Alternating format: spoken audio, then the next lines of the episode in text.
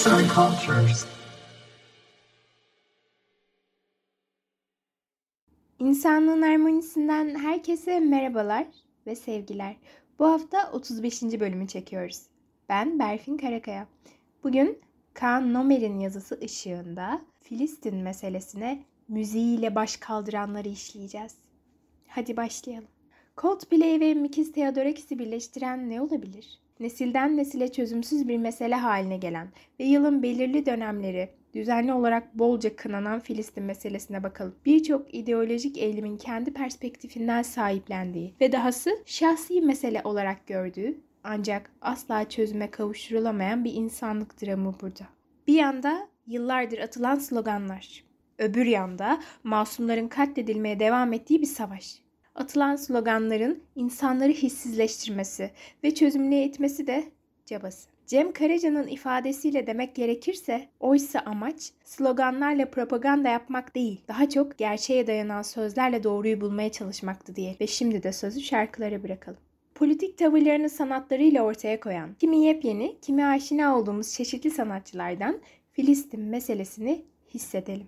Cem Karaca ile başlıyoruz. Murat Meriç'in 1975 tarihli Hey dergisinden aktardığı olaya göre Cem Karaca İzmir Fuarı'nda Filistin pavyonunu ziyarete gidiyor. Cem Karaca ziyaret sırasında pavyondaki deftere şu satırları yazıyor. Egemen güçlere karşı yürütülen bütün bağımsızlık savaşlarının başarıya ulaşacağına inancım var. Namuslu bir Türk aydını ve devrimcisi olarak kardeş Filistin halkına başarılar dilerim. Filistinliler de bu yazıya karşılık olarak Karaca'yı ziyarete gidiyor. Bayrak ve rozet hediye ediyorlar. Bunun üzerine de Cem Karaca Filistinlilerden bestelemek için şiirler istiyor.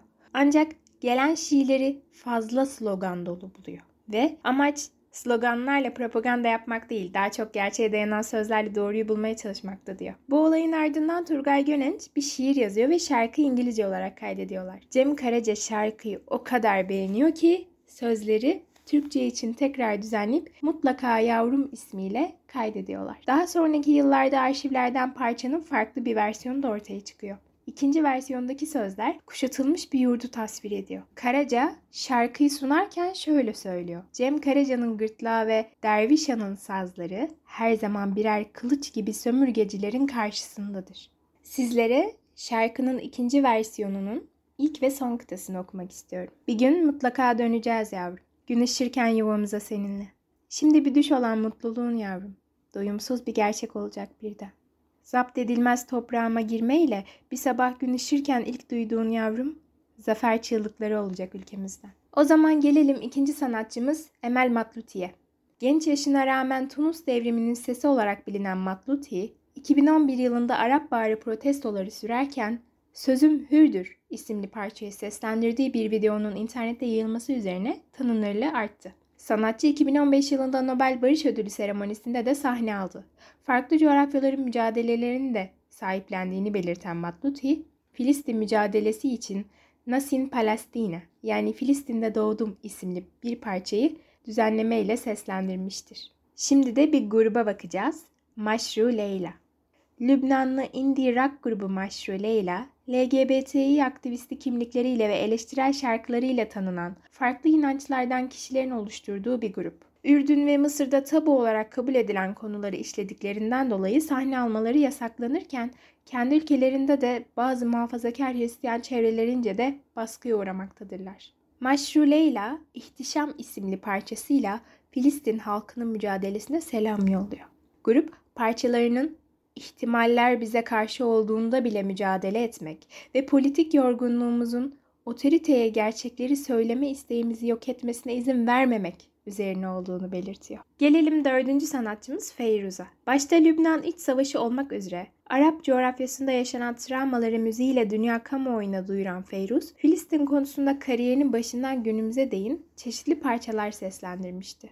Kudüs, Şam, Bağdat, İskenderiye, Kahire gibi şehirler için söylediği eserlerle Arapların sefiresi olarak anılmakta. Filistin davasına adanmış ve vatan kavramı üzerine inşa edilen Dönüyoruz adlı şarkısı 1957 yılında plak olarak piyasaya verildi. 1967 yılında sona eren Arap-İsrail Savaşı'nın ardından Kudüs için şehirlerin çiçeği ve 1972'de hazırlanan Jerusalem in My Heart yani Kudüs Kalbimde başlıklı plak için El Kudüsel Atika parçaları çıkartılmıştır. Sanatçı son yıllarda sahne almazken 2018 yılında Amerika Büyükelçiliği'nin Kudüs'e taşınması üzerine sessizliğini Filistin için bozdu. Kilisede Ne Zamana Kadar Ya Rab isimli bir ağıtı seslendirdi.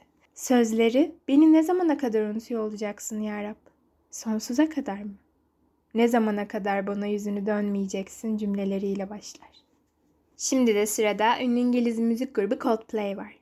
Coldplay'in 2019 yılında piyasaya çıkan Everyday Life albümünde işlediği ırkçılık, savaş ve silahlanma gibi konulara duyarlılığı ile biliyoruz. Grup aynı zamanda iklim değişikliği kaygıları nedeniyle de turnelerinin sürdürülebilir olması adına da çaba göstermesiyle biliniyor. 2011 yılında grup çeşitli sanatçılarla beraber Freedom for Palestine yani Filistin için Özgürlük isimli bir parçayı kaydetti ve kliplerini yayımladı.